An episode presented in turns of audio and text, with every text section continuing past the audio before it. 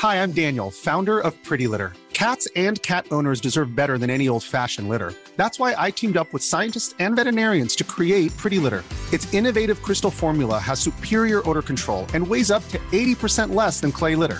Pretty Litter even monitors health by changing colors to help detect early signs of potential illness. It's the world's smartest kitty litter. Go to prettylitter.com and use code ACAST for 20% off your first order and a free cat toy. Terms and conditions apply. See site for details. Life is full of awesome what ifs, and some not so much, like unexpected medical costs. That's why United Healthcare provides Health Protector Guard fixed indemnity insurance plans to supplement your primary plan and help manage out of pocket costs. Learn more at uh1.com.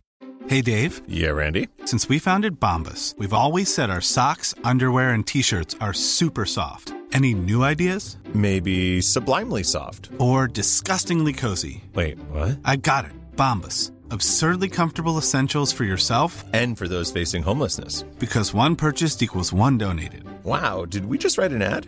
Yes. Bombas. Big comfort for everyone. Go to bombas.com slash ACAST and use code ACAST for 20% off your first purchase. There's never been a faster or easier way to start your weight loss journey than with PlushCare.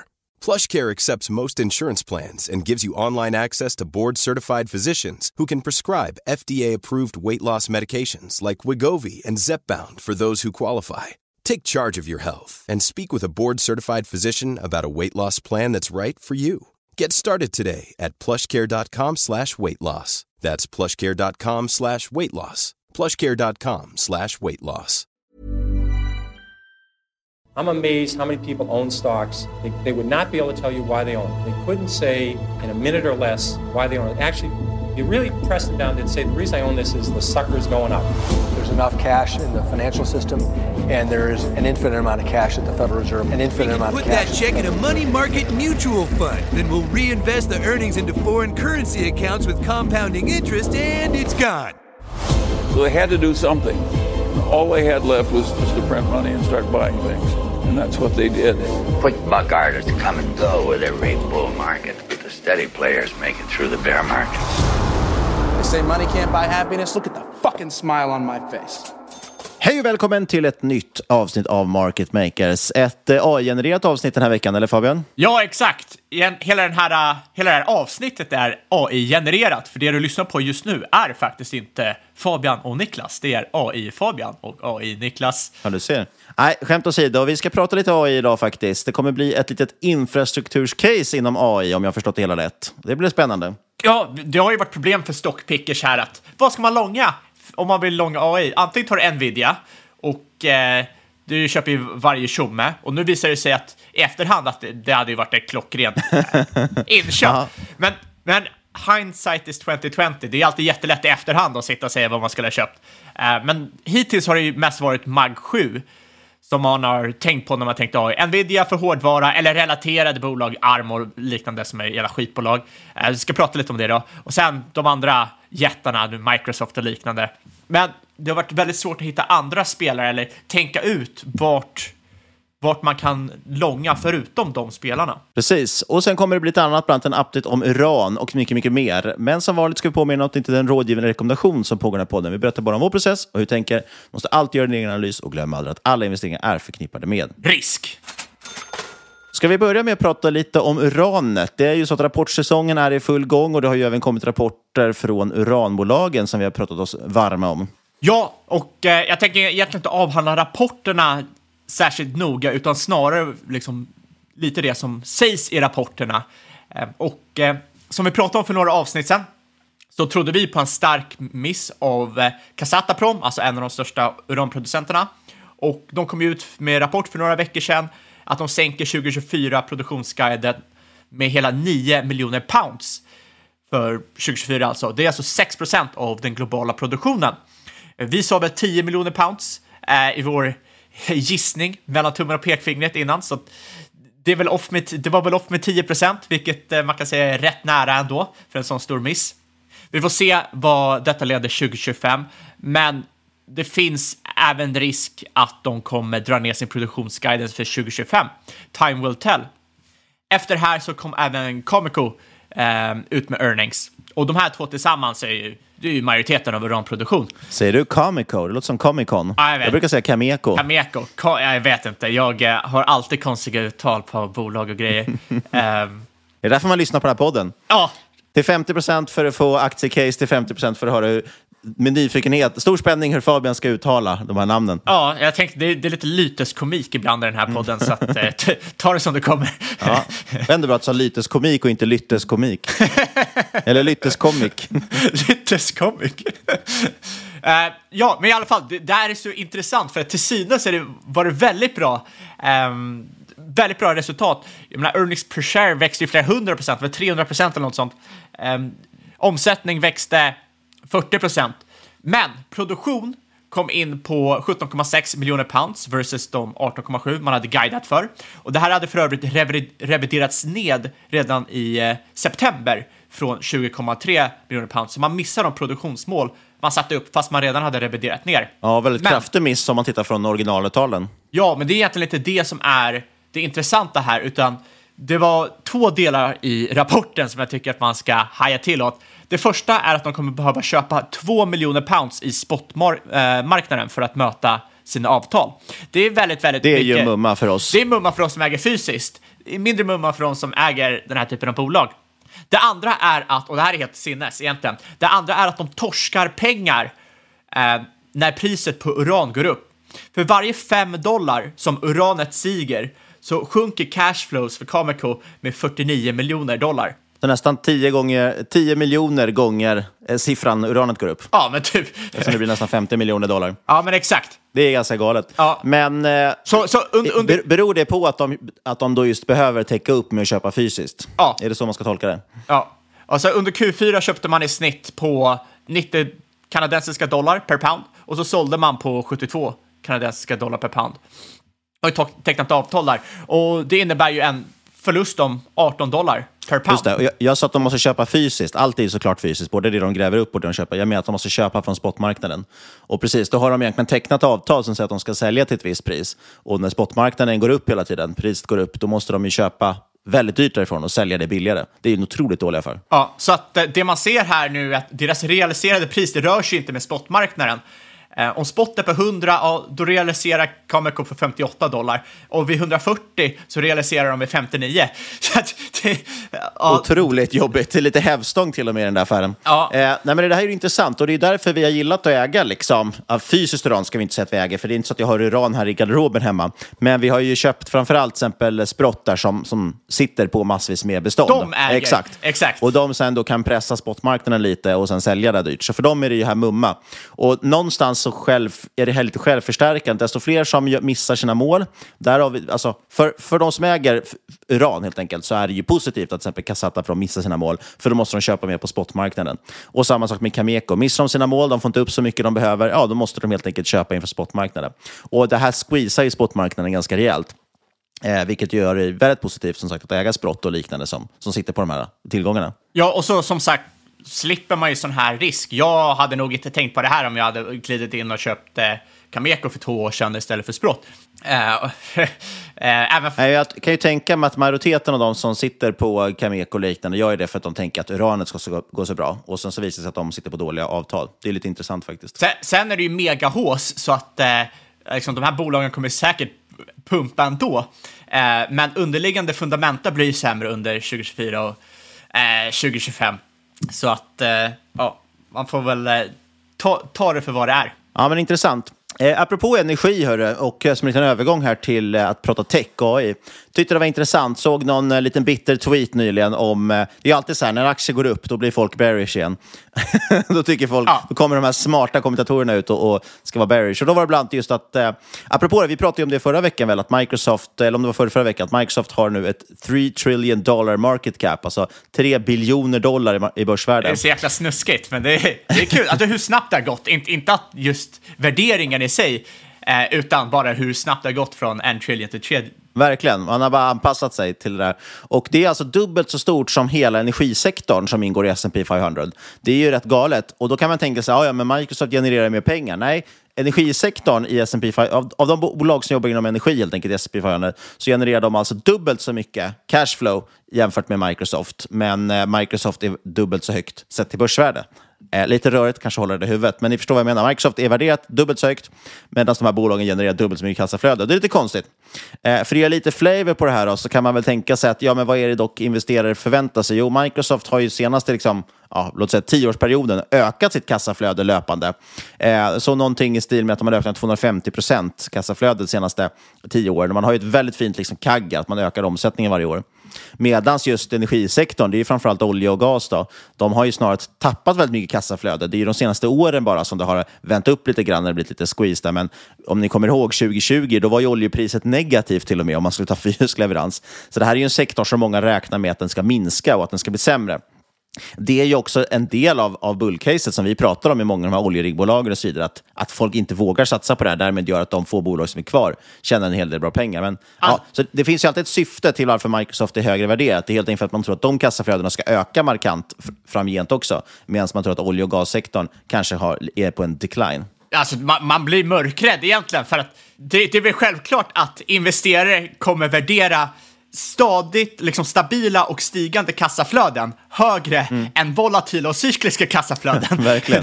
det, eh, det, jag, jag, såg exakt samma sak om Nvidia, eh, som alla vet fortsätter pumpa nu. Eh, värderas väl ungefär 200 miljarder dollar högre än alla bolag i energisektorn som du nämner, men cirka en tredjedel av vinsten.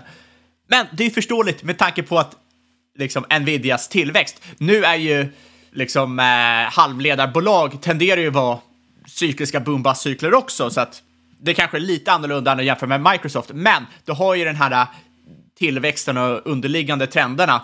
Ehm, så att det är en helt annan situation. Det är inte, det är inte äpplen, jämför äpplen med äpplen, om man säger. Nej, precis. Det är ju som jämför äpplen och päron. Nej, men, och, och, jag tycker samtidigt som du säger, Nvidia, där är det bra med den brasklappen att det är fortfarande mer konjunkturberoende, på, eller konjunkturberoende är de allihopa, men det är mer boom-bust. Det är ju ändå ett hårdvarubolag. Eh, sen har de haft väldigt medvind här i och med att de har lyckats träffa flera olika boom, delar av eh, flera olika cykler som har varit inne i en boomfas. Microsoft är ju ändå mer, så sagt, det är subscriptions, det är liksom mer stabila, även om de Såklart går det lite i takt med konjunkturen. Alltså är det många bolag som stänger ner och går i konkurs, ja då behöver de ju inte sina licenser heller. Eh, men jag skulle säga att det är betydligt stabilare och eh, väldigt bra marginaler också i den typen av intäkter.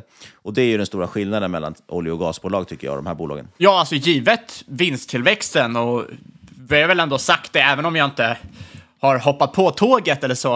Eh, så jag, jag, tycker inte Nvidia ser särskilt dyrt ut. Eh, MAG 7 som helhet handlas mellan 20 till 40 eh, på 2024 earnings. Det är väl bara Tesla som sticker ut där.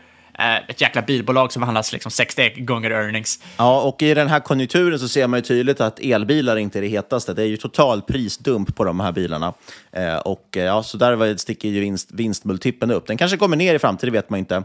Det ska man ska ta med sig, just apropå Nvidia som du sa där, givet tillväxten, absolut, det håller jag med om också. Man, man, får väldigt mycket, eller man får ju liksom vad man betalar för där. Eh, det som är oron kring Nvidia är ju att man inte upprätthåller den här vinsttillväxten som är på flera hundra procent. Eh, det är generellt brukar det inte gå att upprätthålla den typen av vinsttillväxt. Absolut, så, så, så är det ju, men hur mycket... Och där kan man ju dra paralleller till, till Cisco under it-bubblan som vi har pratat om tidigare. Där också det var också en fantastisk tillväxt, men uh, ja, sen, sen tvärdog det där ju. Ja, intäkterna för Cisco de tripplades ju mellan 1997 och 2000. Uppgick väl som mest liksom till 19 miljarder eller vad det var. Och aktien 10xade, så det är väldigt likt Nvidia där. Um, omsättningen låg helt still mellan 2000 och eh, 2003. Aktien dumpade typ 70 procent. Precis, och man kan ju tänka sig att det blir något liknande här. För just nu, generativ AI har lett till en enorm boom i den sektorn. Eh, så fort det nu när det börjar rulla ut här under 2024 känns som att det känns som det är nu först väldigt många företag börjar vakna till. Att det här, nu ska vi satsa på AI. Sen kommer man märka ganska snabbt att det här kanske inte är, det är ingen generell artificiell intelligens, utan det här är generativ AI, den är smidig, den ökar produktiviteten lite grann, men vi kanske, det kanske inte är den här stora nya eh, industriella revolutionen liksom, som, som vissa verkar tro just nu. Eh, och då kommer ju det minska, då kommer man inte behöva bygga infrastruktur i samma, eh, samma takt som man gör nu. Och då minskar ju tillväxten väldigt kraftigt snabbt för Nvidia. Ja, absolut. Man måste ju alltid ha med sig här nu att, eh, liksom som vi precis sa, att tech och framförallt halvledare är boom eh, tenderar att bli overhang i kapaciteten. vi pratade om det 2022 i vår sommarserie kring börskrascher. Och under it-bubblan, man byggde ut liksom, telekom infrastruktur som satan, man liksom 100 000 extra supply. Och sen när bubblan sprack så användes ju endast liksom 2-3 procent av den här kapaciteten. Sen tog det över ett årtionde till smartphones kom in för att man skulle börja brygga det här liksom, eh, gapet igen. Så supply tenderar att vara reaktivt, man tenderar att overshoota för man tänker liksom att nu är framtiden här och man tar ut allting i förskott. Eh, och jag menar, Jensen satt ju i liksom call, liksom ett earnings call sommar 2023 och sa liksom att ah, men vi kan inte fortsätta bara skala, skala i GPUer i datacenter. Det är inte hållbart långsiktigt, det blir för kostsamt, eh, drar för mycket el, det är liksom inte tillräckligt snabbt. Um, och med Jensen, det är väl smeknamnet på Nvidias vd? Ja, eller det är väl hans förnamn. Han heter väl Jensen Huang. Han är eh, president och grundare. Det, det, är väl hans amerikaniserade förnamn. Han heter ju lite annorlunda på sitt originalspråk. Ja, absolut. Absolut, så är det. Sen, sen är det liksom så här, alla kollar IT-bubblan. Det är såklart jätterelevant nu. Man har gjort det sedan liksom 2018 ungefär. Eh, för saker blir bara galnare och galnare. Så, så MAG 7 jag tycker inte att det ser överdrivet dyrt ut, men man kan, som, man kan också liksom kolla på Nifty 50. Eh, det var liksom bolagen som kraschade under 70-talet. Det är liksom lite överspelat, många som har pratat om det i flera år. Men jag tar upp det ändå. Eh, bolagen kraschade när det kom en ny ränteregim, handlades runt P 50, liksom, trots bra tillväxt, eller med väldigt bra tillväxt. Och sen ja, så kom den här nya ränteregimen, inflation in och eh, då såg de här bolagen inte så billiga ut längre och folk ville inte äga dem. Eh, så liksom, de här bolagen kraschar i 70-80 procent. Det betyder inte att fundamentalt att de dog ut. Jag menar, McDonalds eh, fortsatte växa vinster med liksom, nästan 20 procent om året mellan 1972 och 1996. Det spelar ingen, inte så jättestor roll för aktien, för det låg ju under vatten en, eh, liksom, en två decennier där. Eh, så det är, det är lätt att säga just nu att MAG 7 inte ser... Det, det, de är såklart högt värderade, men inte så här sjukt högt värderade. Eh, men det beror ju också på vart man är i cykeln, eh, vad marknaden ska liksom prissätta som billigt versus dyrt, vad räntan eh, ligger på och så vidare. Man ska inte glömma att eh, jag menar, de här bolagen har en earnings yield som är lägre än räntan, vilket innebär ju liksom att folk hellre äger de här bolagen än statspapper och liksom content, alltså underliggande filosofi är väl där att eh, man tror att risken för det här bolaget ska vara liksom lägre än amerikanska staten. Eller kan det vara så enkelt att man, har, man, man bara har mandat att köpa aktier? Man får inte köpa statspapper?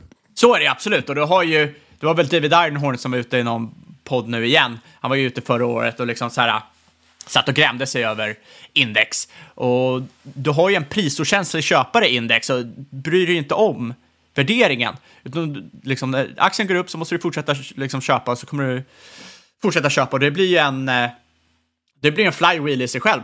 Där du bara sitter och köper och köper och köper och köper och köper upp de här aktierna.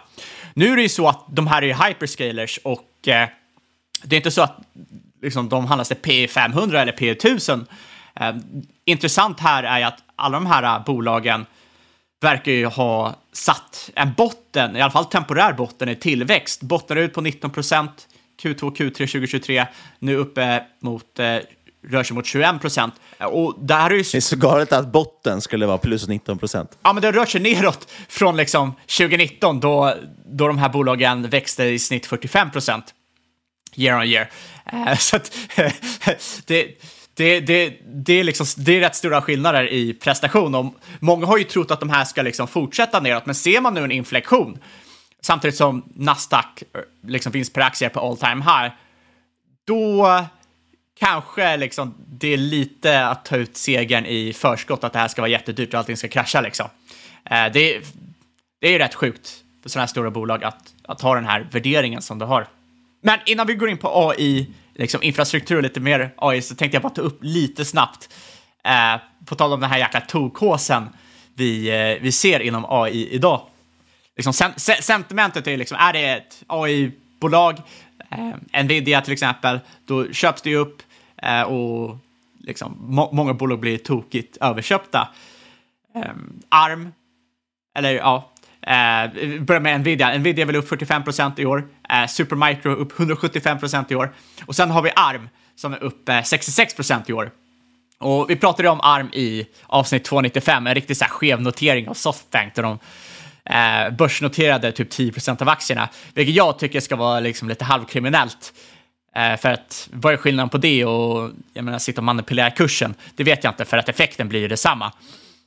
Men på rullande 12 så pumpar både halvledarbolaget ARM, eller de designar väl chip, men ni förstår vad det är, jag menar, och kolbolaget Peabody som jag pratat om i podden, båda genererar 724 miljoner i fritt kassaflöde.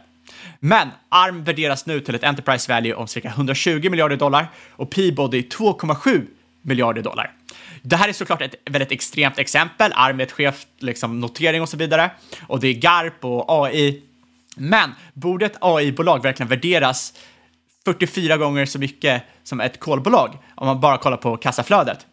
Jag menar, skissar man ut det här lite, lite snabbt så liksom ARM växte vinsten, vinst per aktie med 30 procent. Drar man ut det här i eh, tio år och använder vinst per aktie som en proxy för FCF, eh, det fria kassaflödet, ja då ser man ju liksom ARMs fria kassaflöde kommer ju 10xa under, den här, under de här kommande tio åren, men du kommer bara generera en avkastning till dig på typ 25 procent, liksom fundamentalt. Sen kan ju aktien göra vad fan som helst. Samtidigt, liksom, antar man att kolet och BTU är en terminal decline och fria kassaflödet här minskar 10 procent per år de kommande tio åren, ja, då har ju fria kassaflödet totalt minskat 60 procent, men fortfarande genererat en avkastning till dig på 175 procent. Så att det är ju en väldigt skev situation man sitter i i många av de här bolagen då folk tänker att ah, det här är hyperscale, hypertillväxt, men den höga tillväxten är inte tillräckligt hög för många av de här bolagen. Ja, framförallt den är ju inprisad och det är ju det som är så korkat. Det är ändå märkligt att, att det här är några av en av världens största marknader och största bolag och ändå är folk så first level. Man tittar bara på storyn. Eh, och det är väl samma, tittar man på, tittar man på intervjuer liksom på vad den kan vara, DI eller CNBC eller vad som helst. Alla de här stora förvaltarna sitter och förvaltar miljarder i sina fonder. De pratar fortfarande bara stories, de pratar aldrig värderingar. De pratar om bara varför Microsoft eller Google eller Nvidia eh, ska växa så bra framåt. Som att det vore någonting okänt. Alla vet om det. Eh, det är därför det är inprisat i aktierna redan.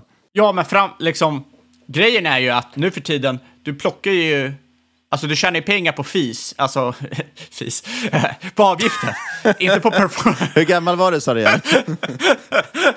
inte, inte på performance. Och jag menar, när du har som de här liksom, eh, passiva fonderna, alltså index som bara sitter och tokköper, inte priskänsliga alls, då gör det ju faktiskt svårare för dig som aktiv investerare att överavkasta. Ja, du kommer ju hitta fler möjligheter i marknaden antagligen, men jag antar att liksom, det kommer vara svårare att få, få de här eh, casen att bli rättvist värderade, för det är ju färre som kommer komma in och köpa upp dem. Eh, så att, liksom, har du, många har ju pratat om att ah, det är jättebra för aktiva investerare när passivt blir så stort, för då finns det fler möjligheter i marknaden. Ja, men det, gör ju, liksom, det kräver ju också att det finns någon som är redo att köpa upp de här aktierna när du väl hittat dem. Och eh, det finns ju inte samma mån när alla rör sig mot passiva fonder. Och det gör ju liksom att hittar du ett bolag som kanske handlas till ev-ebit 5-6. Det är ju högre sannolikhet nu att eh, istället för att någon handlar upp det till EVB 10, att det sitter och det sitter och fortsätter växa vinsten, och, men det börjar handlas till liksom EVB 4, 3, 2, 1. Eh, och det enda sättet du kommer kunna få betalt på det här är att de antingen börjar köpa tillbaka aktier eller att någon kommer och köper ut bolaget från börsen. Nej, och jag tror just det, om man bara går tillbaka till det med fonder också, det är ju inte bara heller de passiva fonderna, även aktiv förvaltare har ju, tycker jag, samma problem. Och det har väl att göra mycket med likviditet, alltså de måste fortfarande ändå hitta aktier. Och det mesta är ändå dyrt värderat och de har massa ESG-regler och så vidare, så blir det ju så att de kan inte ta för mycket hänsyn till värdering, för då har de ingenting att köpa och då, får de inte in, då kan de inte göra någonting av pengarna de har i fonden och de har krav att de inte får ha för hög likviditet. Så det är en knepig situation de sitter i, så jag förstår varför man gör så, men, men ja, det är ju inte det bästa sättet att skapa performance tror jag. Nej, men sen har du ju också sett en sjuk konsolidering där i branschen. Och jag kommer inte ihåg exakta siffror, men jag menar, går du tillbaka 20-30 år så var det mycket mera eh, platt playing field. Du hade några större spelare som hade lite mer pengar och så hade du många små spelare. De små spelarna har ju försvunnit, så att alla pengar har ju hamnat hos några få spelare med en liten, liten svans där. Och det innebär ju också att har du så mycket pengar, du kan ju inte sitta och kolla på liksom ett kolbolag eller någon liten eh, driller eller något litet svenskt techbolag liksom. Du måste gå in i Google och i eh, i Amazon och, och, så vidare. Det är exakt samma sak som med, med Berkshire nu. Ja, Warren Buffett kan ju tycka att Apple är övervärderat. Men vad fan ska han göra? Han kan inte sälja Apple. För vad, vad ska han annars köpa? Det, finns, det är så stort bolag nu, han har så mycket pengar under förvaltning att det enda han kan äga är de största bolagen och få liksom en indexavkastning. Förhoppningsvis inte sämre än Wow! Nice! Yeah! What you're hearing are the sounds of people everywhere putting on Bombas socks, underwear, and t-shirts made from absurdly soft materials that feel like plush clouds. Yeah, that plush. And the best part? For every item you purchase, Bombas donates another to someone facing homelessness. Bombas. Big comfort for everyone. Go to bombas.com slash ACAST and use code ACAST for 20% off your first purchase. That's bombas.com slash ACAST. Code ACAST. One size fits all seems like a good idea for clothes until you try them on. Same goes for healthcare. That's why United Healthcare offers flexible, budget friendly coverage for medical, vision, dental, and more. Learn more at uh1.com. There's never been a faster or easier way to start your weight loss journey than with PlushCare. PlushCare accepts most insurance plans and gives you online access to board-certified physicians who can prescribe FDA-approved weight loss medications like Wigovi and Zepbound for those who qualify. Take charge of your health and speak with a board-certified physician about a weight loss plan that's right for you. Get started today at plushcare.com slash weight loss. That's plushcare.com slash weight loss. plushcare.com slash weight loss. Hi, I'm Daniel, founder of Pretty Litter. Did you know cats tend to hide symptoms of sickness and pain? I learned this the hard way after losing my cat, Gingy. So I created Pretty Litter, a health monitoring litter that helps detect early signs of illness by changing colors, saving you money and potentially your cat's life. Pretty Litter is veterinarian developed, and it's the easiest way to keep tabs on your fur baby's health right at home. Go to prettylitter.com and use code ACAST for 20% off your first order and a free cat toy. Terms and conditions apply. See site for details. Hey, it's Ryan Reynolds, and I'm here with Keith, co star of my upcoming film, If, only in theaters, May 17th. Do you want to tell people the big news? All right, I'll do it. Sign up now and you'll get unlimited for $15 a month in six months of Paramount Plus Essential Plan on us. Mintmobile.com slash switch. Upfront payment of $45 equivalent to $15 per month. Unlimited over 40 gigabytes per month. Face lower speeds. Videos at 480p. Active Mint customers by 531.24 get six months of Paramount Plus Essential Plan. Auto renews after six months. Offer ends May 31st, 2024. Separate Paramount Plus registration required. Terms and conditions apply if rated PG. Så. Ja, vad vill du prata? Du ville prata in lite infrastruktur kring AI idag, förstod jag det som. Ja, exakt. Och jag, jag tänkte bara, innan vi hoppar in på infrastrukturen, tänkte jag bara snabbt nämna eh, en grej jag läste i, eh, i Financial Times. Vi har ju varit på det här tidigare, eh, avsnitt 296, att AI, såklart väldigt beroende av energi, väldigt energikrävande och det gör ju att om AI växer så växer ju liksom energikraven explosionsartat och därför är energi en rätt intressant, liksom, ett intressant långcase på AI. Så vi att när energi eh, overall har varit rätt billigt och du får många billiga, bo, liksom det finns många billiga bolag, billiga kassaflöden som vi precis pratar om. Men man har ju försökt begränsa byggandet av datacenter i många länder eftersom det sätter press på elnäten och eh, även på klimatmålen. Nu Irland, Tyskland, Singapore, Kina, Nederländerna, alla har introducerat restriktioner de senaste åren för att bygga nya datacenter. Och det här är problematiskt, framförallt i till exempel Irland, som redan huserar många av Mag 7-bolagens serverfarmar. På grund av delvis är det ju låg skatt, men också så har du ju access till eh, liksom, högkapacitetskablar i vattnet. Du är väldigt väl nära vattnet. Enligt Barclays, alltså investmentbanken Barclays, så har de här regleringarna från 2021 långsamt nu börjat få inverkan på industrin. Eh, man har ju liksom tagit beslut att man vill begränsa nya uppkopplingar till elnätet. Och eh, man har sett att datacenteroperatörer som Vantage, EdgeConnex, eh, Equinix, alla har fått avslag på nya projekt i Dublin. Och den stora frågan är, vad kommer det här ha för effekt framöver? Det känns ju som det här, det är lite av en liksom, eh, säkerhetsfråga. Att vi måste ju kunna, vi i väst måste ju kunna ha våra egna datacenter, vara längst fram inom AI och maskininlärning, annars kommer ju någon annan springa om oss och använda det, använda det emot oss. Så det känns ju jäkligt dumdristigt eh, beslut. Men jag tror att det är någonting man måste ha i bakhuvudet. För datacenter i Irland förväntas utgöra 32 procent av landets eh, elektricitetsefterfrågan 2026. Och enligt IEA, alltså International Energy Agency, kommer elkonsumtion från datacenter dubbla mellan 2022 och 2026. Och eh, enligt Morgan Stanley kommer generativ AI driva vad är det, 75 procent av efterfrågan under 2027. Du vill bara smälla upp lite kärnkraftverk. De har ju nära till kust. Jag ser inte problemet. Och det är bra för oss som äger uran också. Du, du, du och jag är på exakt samma sida där, min vän. eh, såklart kan det bli som... Ja, men det, man blir ju inte jätteförvånad att det är bolag i Europa och, och flera inom EU som ska sätta upp restriktioner för det här. Det, vi lägger ju hela tiden kroppen för oss själva för att kommer aldrig kunna konkurrera med varken USA eller Kina känns som kring de här typen av frågor, kring teknik. Vi lägger bara kroppen för oss själva, heter den. Ja, det, det är speciellt när det kommer till en sån här viktig utveckling. Man ska bannlysa det och reglera det och hålla på. Det, det kanske inte är det bästa att göra i den här situationen. Såklart kan det inte vara helt fritt eh, över tid, för det brukar ju introducera spelare man inte riktigt kan lita på. Men att, men att sätta, som du säger, krokben för sig själv är inte jättepositivt. Sen kan det såklart bli som IT-bubblan, att man starkt överskattar efterfrågan här och inte alls är något problem. Eh, men liksom så här kortsiktigt så känns det ju som att ja, du behöver bygga ut datacenter eh, för att kunna maxa liksom, utvecklingen av AI och det behöver bygga ut energi. Och såklart inte bara för AI, utan det är ju samhälls, samhällsrisk att inte ha det nära. Men då hoppar vi in på egentligen det vi ska prata om idag, för vi ska inte prata om energiförbrukning för AI, för det har jag förstått alla är trötta på här. Vi ska prata om liksom, bakomliggande infrastrukturen. Det är ju så att marknaden är ju väldigt, väldigt frothy. Äh, det är ju liksom, så, som sagt, de här jäkla AI-bolagen stiger ju typ 10 procent om dagen känns det som. Det finns 111 anledningar att vara bearish. Men, liksom, försöker man inte vara bearish och leta efter något bullish här så kan man till exempel lyssna på eh, AVS vd Adam Selfsky som menar att cloud utan AI är en multi-trillion dollar opportunity här. Det är rätt intressant. Eh, för det är nog inte vad många förväntar sig. Jag, jag har ändå sett vissa analytiker som har skissat på att eh, cloud peakat, man vill ta hem mycket av eh, lagring och computation och liknande inhouse igen. Ehm, det är, så, sen är det här bias, det är AVS som pratar, men liksom, lyssnar man på det här finns det fortfarande mycket rum för tillväxt och det är utan eh, AI.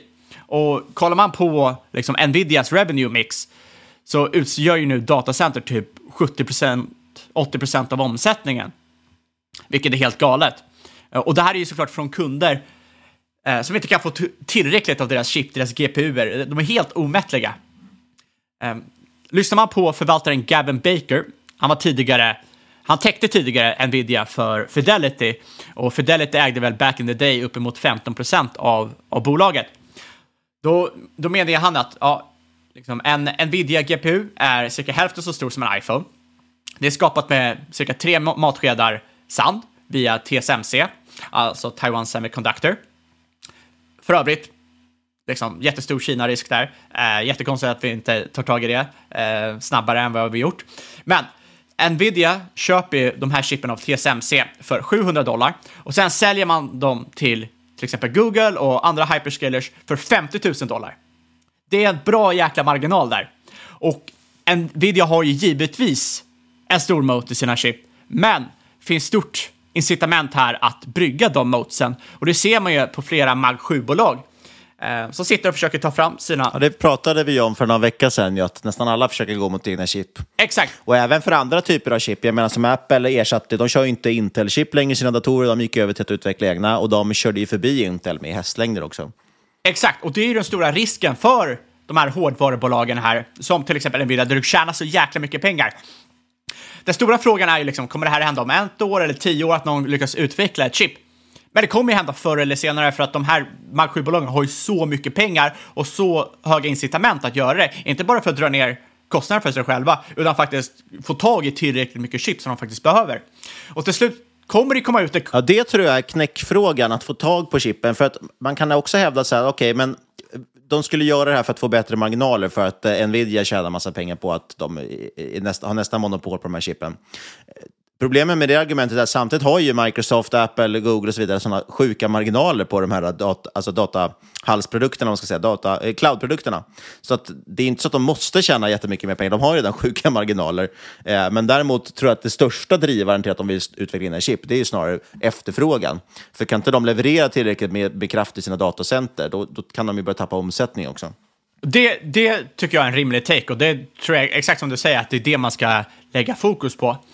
Men risken här är liksom så, om vi ser de andra Mark 7-bolagen börja utveckla sina egna chip, eh, vad händer då med Nvidia och liksom Nvidia värdering och intäkter? Kommer då liksom, GPU bli en commodity likt man ser andra äldre chip blir det liksom?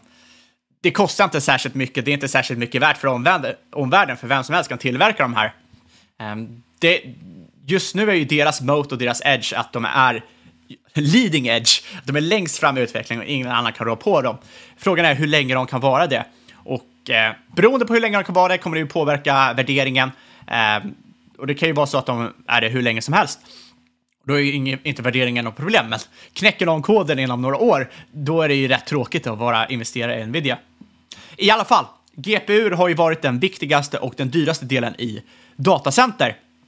Där all capex har gått in. Men systemet runt GPUn har inte hållit samma utvecklingstakt. Medan GPUer har blivit typ 50 gånger snabbare de senaste fyra åren, så har ju resten av datacentret bara blivit fyra gånger snabbare. Och lyssnar man på Baker här då, så innebär det att eh, GPUer, ja, de gör liksom i stort sett ingenting 70-80% av tiden, samtidigt som de drar en hisklig mängd energi och eh, deprecieras i väldigt snabb takt, vilket är otroligt dyrt. Det där låter tycker jag så konstigt, men vi har ju inte hela bilden här förstås kanske. Och det, det, är svårt att veta exakt hur det funkar. Men, men när man hör någonting sånt, då låter det ju som att varför köper de då inte bara äldre GPUer? Eller, men så har det ju varit mycket i Kina, att de har ju blivit på, det har varit olika handelstullar och sånt som gjort att de inte alltid får tag på den senaste tekniken. Och då har de nöjt sig med den näst senaste, vilket ju är betydligt billigare, för som säger, det deprecieras snabbt. Eh, men eh, det, det, måste ju ändå finnas en anledning till att många köper in de senaste dyraste GPUerna. Ja, ja, Ja, jag antar det, för när du väl behöver använda dem så behöver du den beräkningskraften som, som den kan maxa. Ja, det måste ändå vara värt det på något sätt, annars skulle ju folk inte köpa dem. Ja, exakt. Nej, men det är ju krav. De behöver ju liksom leading edge. Eh, det är bara det att, eh, som jag förstår det, så hänger liksom inte resten med så att du, du maxar inte liksom den totala kapaciteten, eller vad, vad man säger. Ja, nej, nej, men det kan jag köpa. Nu, nu, nu, nu hör jag här att eh, jag har ju slagit i huvudet några gånger uh, i mitt liv. uh, men som sagt, AI är ett stort skifte, uh, här för att stanna och då gäller det liksom att den, hela infrastrukturen håller måttet, vilket den tydligen inte gör idag. Och det är ett problem som liksom kan lösas genom att uppgradera lagring, networking, minne och så vidare. Och det här är väldigt intressant för det gör ju att det finns en liksom, mycket större mängd potentiella bolag att investera i som är hackar och spadar för att kapitalisera på AI-trenden. Eh, för som vi sa i introt, liksom, problemet här var ju vad ska man investera i? Antingen Nvidia och relaterade bolag som ARM som gör, gör design av, av hårdvara. Eller så måste du liksom investera i MAG 7 för själva AI. Och för det är ju så att mest data vinner och inga andra mindre aktörer kan egentligen rå på MAG 7-bolagen när det kommer till liksom, datan och bygga AI. Så då kommer ju alltid frågan, vad kan man investera i om man vill bortse från MAG 7-bolagen? Ja, då har du antingen mjukvara som drar nytta av AI, eller så går det deep tech och infrastruktur som till exempel används i datacenter och som drivs av samma våg som liksom, GPU-hetsen. Och då äh, hittade jag via, via, via samma kille äh, idén att kika på just Coherent Optics och bolaget Sienna Eh, ticker CN. Eh, Coherent Optics är i grund och botten en laserteknologi som nätverksoperatörer använder för att lösa sina kapacitetsproblem och skicka stora mängder data över fibernätverk. Eh, historiskt har man använt en liksom, laserteknologi som kallas Direct Direct eh, som kan sända upp till 10 gigabyte per sekund.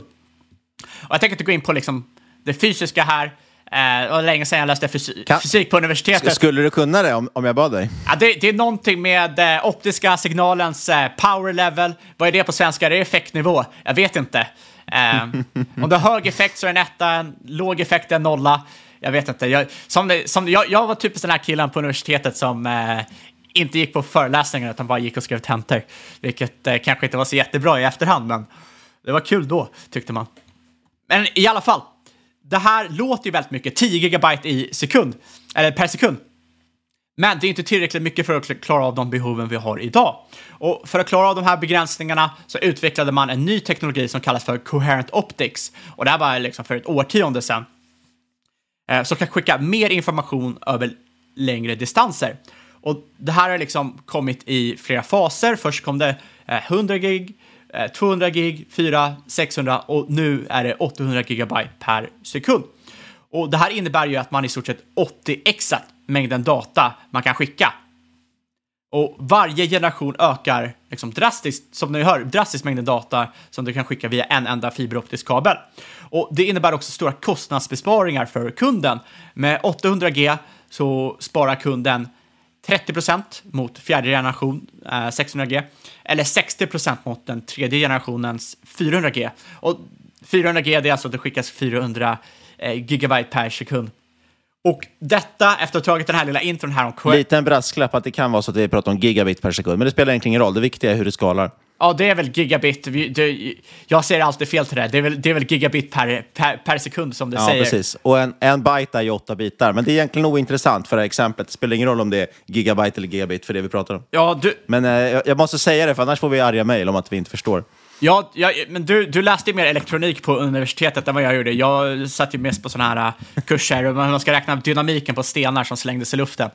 eh, men, eh, det är bra sen när världen, om, om, det blir eh, rikt, om, om folk satsar för mycket på kärnkraft och det smäller, då kan det ju vara bra, bra koll på stenkastning dock. Ja, jag kan, jag, jag, jag kan inte... När vi är tillbaka i någon slags Mad Max-värld. Exakt, jag kan inte bygga upp ett coolt datacenter, men jag kan bygga en katapult i alla fall. I alla fall, det här leder ju vidare självklart till Sienna och när man pratar liksom lite om Querent Optics funkar. För de är dominant i sin nisch inom optical networking, som de kallar det, och anses vara industriledare, eh, antingen nummer ett eller nummer två på alla deras marknader. Och eh, de har liksom market share, exklusive Kina, på cirka 30 procent. Eh, de har 1500 kunder eh, totalt i över 30 länder. I topp 10 så ingår fyra stycken målleverantörer. Ehm, bland kundlistan så ser man bland annat Google, Amazon, AT&T, Verizon och US Department of Defense. Och eh, efterfrågan på brand, bandbredd, liksom, det, det fortsätter öka för varje år. Eh, det har stigit med 30 procent per år de senaste årtiondena. Och eh, Sienna har växt med ett kagger om 7-10 procent Uh, nej, så kan man inte säga. 7-10 procent. Det har växt med ett kagger om 7 procent de senaste 10 åren, men det har ju varit lite volatilt. Um, vilket jag ändå tycker är relativt intressant för ett, eller relativt bra för ett sådant här bolag, speciellt nu med liksom, potentiell inflation med, med AI. Behovet av att öka bandbredd och minska energiåtgången kräver liksom, uppgraderingar över tid och den totala marknaden förväntas dubbla mellan 2020 och 2030. Och eh, då bör ju ett bolag som Sienna liksom rimligen fortsätta gynnas av ökat spenderande. Som sagt är man marknadsledare eh, och en stor del av det här är att man har starkt track record för innovation och att ligga före liksom, konkurrensen. Eh, R&D står för cirka 20% av omsättningen och man sitter på 2100 patent. Och man är ju pionjär inom sån här optisk teknologi. Man var först i marknaden med till exempel 100G och 400G och 800G teknologi. Och man har dessutom annonserat vad man kallar för Wave Logic 6 som stödjer 1,6 terabit per sekund. Så jag rätt där Niklas? Tror det. Ja, eh, och det här är alltså nästa generation inom eh, Coherent Optics. För helåret 2023 så växte bolaget omsättningen 21 procent. Eh, brutet räkenskapsår oktober 22 till oktober 23 eh, vilket man ska vara medveten om. Och det här är ju relativt deras guidance på 16 till 18 procent, så de slog ju guidance rätt hårt. Eh, optical networking växte med hela 26 procent. Så ni ser ju att eh, bolagets omsättning, liksom, det inflekterar lite, växer snabbare än vad Kagger liksom antyder. Och det är för att du har ju haft problem under corona med eh, eh supply chain problem och liknande. 55 procent av omsättningen under 2023 kom från telekomkunder, men molnleverantörer blir en allt viktigare del av kundsegmentet och det är, här, det är det här som kommer driva framtida tillväxten. På helåret växte omsättningen för molnleverantörer med 57 procent och utgjorde 70 procent av liksom icke-telekomintäkterna. Men under Q4 2023 så stod icke-telekomkunder för rekordhöga 52 procent av intäkterna, alltså utgör nu en majoritet. Och intäkter från molnleverantörer dubblades year on year. Så det fortsätter ju liksom att stiga sekventiellt, vilket är väldigt, väldigt kul att se. Och eh, mycket av det här är ju, liksom, man har ju skeppat eh, rekordmånga eh, WaveLogic 5 Extreme som är deras 800G-lösning. Och det är ju helt drivet av den här expansionen för molnleverantörer som är helt omättliga här. Uh, kollar man overall så står ju då optical networking för 66% av omsättningen, eh, routing och switching eh, för 11% services eller tjänster för 13% och sen har du diverse mjukvarulösningar för cirka 10 Och routing och switching är ett nytt område, eh, fortfarande väldigt litet. Ehm, står väl som sagt för 11% av omsättningen, men växte med 27% och får en rejäl boost här av att det är många kunder som vill byta ut sina eh, Huawei-produkter. Och bolaget själva menar att aktivitet förväntas accelerera eh, 2025 och framåt. Det här är rätt intressant om du kollar på till exempel svenska motsvarigheter. Det är väl Waystream som håller på mycket med router och switcher. Precis, det beror lite på vart de här switcharna sitter någonstans. Eh, vilka man konkurrerar med. Annars är det ju också som Cisco och liknande som är väldigt stora på switchar. Om man mer pratar switchar på kontor och i datahallar och liknande. Medan som, som uh, Waystream jobbar ju med framförallt switchar i de här fiberstationerna. Man har i alla fall nu cirka 300 kunder. Utöver det här så har man cirka 40% bruttomarginal, ehm, 13 rörelsemarginal och det här är alltså fortfarande påverkat av covid Pre-covid låg man på 17 procent och man förväntas återgå mot tidigare nivåer. Och man växte eh, vinst per aktie med cirka 40 procent. Dessutom gör man återköp, alltid kul att se för ett sånt här typ av bolag. Eh, en miljard buyback program sedan 2021. Man har återköpt cirka, man har eh, aktier för cirka 75, 75 miljoner, 750 miljoner. Eh, det kan jämföras med nuvarande market cap på cirka 8 eh, miljarder dollar en stor andel av bolaget man köper tillbaka. En miljard på ett bolag som har börsvärde på 8 miljarder.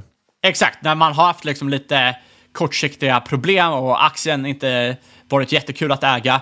Så att det verkar ju vara ett relativt bra kapitalallokeringsbeslut av management. Eh, och man har en nettoskuld på 400 miljoner dollar ungefär, så att man inte tokleverade heller. Management guidar för 1-4 omsättningstillväxt för 2024 Just nu påverkas man av minskad efterfrågan från telekom, för telekombolag har byggt upp ett, eh, ja, de har byggt upp lager helt enkelt, så man har inte liksom lika hög press att köpa in. Men management tror att den här efterfrågan kommer tillbaka under andra halvan av 2024 och man kommer röra sig tillbaka till historisk tillväxt. Um, och där känns det ju rätt intressant för att det känns ju lite här som gamla telekombenet döljer tillväxten och möjligheterna för liksom, molnbenet och nya molnspelare. Kollar man bara på siffrorna liksom, överblickande så ser det inte så jätteintressant ut, men sen när man gräver liksom lite vad är det som växer, vad är det som avtar, så ser man att det är väldigt stark tillväxt i just molnbenet och kommer antagligen fortsätta eh, vara det framöver. Ja, och en återgång till historiska marginaler gör ju att eh, vinst per aktie växer väldigt mycket snabbare. Exakt, exakt. Och, eh, det är lite turnaround-läge nästan. Ja, det, det, är väl liksom precis efter, men marknaden kanske inte har greppat det riktigt helt rakt ut. Eh, dessutom har ju liksom AI-bolag hittills, som vi sa, eh, och datacenter, du fokuserar på beräkningskraften, det är GPUer, snarare än optisk utrustning. Men det här liksom förväntas ju såklart förändras framgent. Och det är väl egentligen det som är caset här, att i, och med att man satsar så hårt på eh, GPUer så måste man börja bygga ut resten av datacenterna och eh, liksom utanför också så det här håller Generellt, jämn takt? Nu vet jag inte exakt, jag har inte satt mig in exakt hur deras produkter är uppbyggda, men det låter ju som att det de förändrar det är ju hur de skickar signalen i de fysiska kablarna. Eh, alltså liksom då den, den optiska konverten, eller vad det kan kallas för, som omvandlar signalerna till optiska signaler och skickar ut med kablarna. Och det måste ju vara otroligt mycket billigare att köpa en ny generation av det här och få dubbla hastigheten än att behöva lägga en till kabel. Så det låter ju som att det är ett, en ganska bra ROI på, på den investeringen. Ja, jag, eh, jag håller med där och eh, det är ju liksom intressant också att tänka att ja, du behöver ju antagligen ha de här eh, utanför liksom, datacentren. Men du kommer antagligen behöva ta in de här inne i datacentren också, som man inte gör nu. Nu jobbar man med liksom, gamla generationer och man har inte velat, liksom, velat lägga capex där. Och det här betyder ju att du har två i stort sett dimensioner att, eh, av tillväxt. För AI har ju lett till en massiv ökning av trafik inne i datacentret, men det har inte påverkat så mycket utanför. Men nu liksom pratar ju många om att man ska sitta och koppla ihop eh, datacenter för att, liksom, e-, för att expandera. Och eh, det här skulle kunna lyfta tillväxten för bandbredd från liksom, den här genomsnittliga tillväxten på 30 procent uppemot 40 procent. Och eh, så det innebär ju liksom utanför datacenter behöver du lösning, men sen också liksom, du bör ju förbättra interna överföringssystemet i datacentret och då behöver du liksom ta in någonting där också. Jag ska också nämna att guidance från bolaget, då räknar de inte med liksom, stigande bandbreddsbehov just på grund av anammande av AI och ML. Så det känns som de är relativt eh, lågmälda som bolag. Samtidigt som man kan kolla på till exempel eh, konkurrenten Coherent Optics, eh, COHR som ticker. Och det är ju bra att de har tagit teknologin som namn på bolaget. De rapporterade förra veckan och de hade ju 100% sekventiell tillväxt i sina 800G transceivers. Och det var ju till stor del på grund av AI-relaterade applikationer, applikationer. Så efterfrågan är ju fortsatt stor, fortsätter ju stiga. Och det blir rätt intressant nu när man väntar in senaste rapport den 4 mars Aktien har ju stigit cirka 20% i år. Men eh, jag tycker ändå att det ser relativt attraktivt prissatt ut. Eh, återgår bolaget till en 7-10% tillväxt, eh, expansion mot pre-covid-marginaler, eh, handlas till liksom, historiskt PE på 20. Um, ehm, ja, då ser det attrakt, som sagt attraktivt ut här vid 55 dollar, för du kan ju räkna hem en liksom 15 procent eh, kagge de kommande åren då, exklusive AI-medvänt. Får du till liksom någon AIHs eh, som du haft i andra bolag för den här sektorn också, eh, som kanske drar upp tillväxten och expanderar marginalen lite, ja, då får du liksom, då kan du räkna hem ännu högre kaggar än så. Så jag tycker att 15 procent är relativt konservativt, så heter det. Så summa summarum här, det är ett liksom, intressant infrastruktur place på AI. Eh, du har sjukt många megatrender i ryggen. Liksom AI och du har moln och liksom, datacenter och det är väl egentligen samma sak i, egentligen. Men också IoT och digitalisering och 5G. Så du har ju narrativet här. Eh, och det handlas till en billig prislapp. Det gäller bara att liksom, kapexpanderande börjar komma in här, marknaden upptäcker det och eh, då kanske du ser liksom, lite av de här eh, fonderna och så som sitter och tokhåsar Nvidia och ARM och andra GPUer börjar röra sig in i andra vertikaler inom AI och moln. Ja, superintressant case. Jag måste kolla vidare känner jag på deras produkter. Det här, men det här var väldigt, väldigt intressant tycker jag. Ja, det, det, vore ju, det vore ju bra för dig, och, för du är ju liksom lite mera tekniskt kunnig och kan den här teknisk fysik-grejen bättre än vad jag kan. Så det vore kul om du kollar, ger feedback eh, och sen eh, sen återkommer. Ja, nej, men intressant bolag. Äger du några aktier i dagsläget? Så får vi den disclaimen klar. Jag äger faktiskt inga aktier just nu. Hade gärna velat köpa på cirka 40, eh, men som sagt har dragit cirka 20 procent i år. Eh, som sagt, rimligt runt eh, 55. Jag är ju jäkligt... Eh, jag är jäkligt girig. Så jag hade, du vill inte ha rimligt, du vill ha billigt. Jag vill ha billigt just nu. Men eh, vem vet, vi, vi, vi, får se. Jag kanske tar någonting innan rapporten eller väntar på rapporten. Jag tycker i alla fall att det här har öppnat lite mina ögon för andra områden där man kan eh, potentiellt dra nytta av AI-håsen som inte har dragit iväg så här tokigt mycket än. Nej, och jag gillar det där när man tittar lite utanför. Tänk lite hackarspadar och kanske inte det mest uppenbara så som Nvidia och ARM. Oavsett i alla fall vad vi tittar och vad som är hackar och spadar så är ingenting du hört i den här podcasten rådgivning. Alla åsikter, våra egna och gäst och eventuella sponsorer tar inget ansvar för det som sägs i podden. Tänk på att alla investeringar är förknippade med risk och sker under eget ansvar.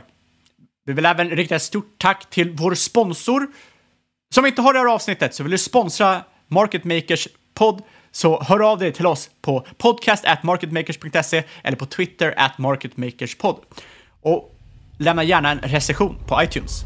Och sist, men absolut inte minst, kära lyssnare, stort tack för att just du har lyssnat. Vi hörs igen om en vecka.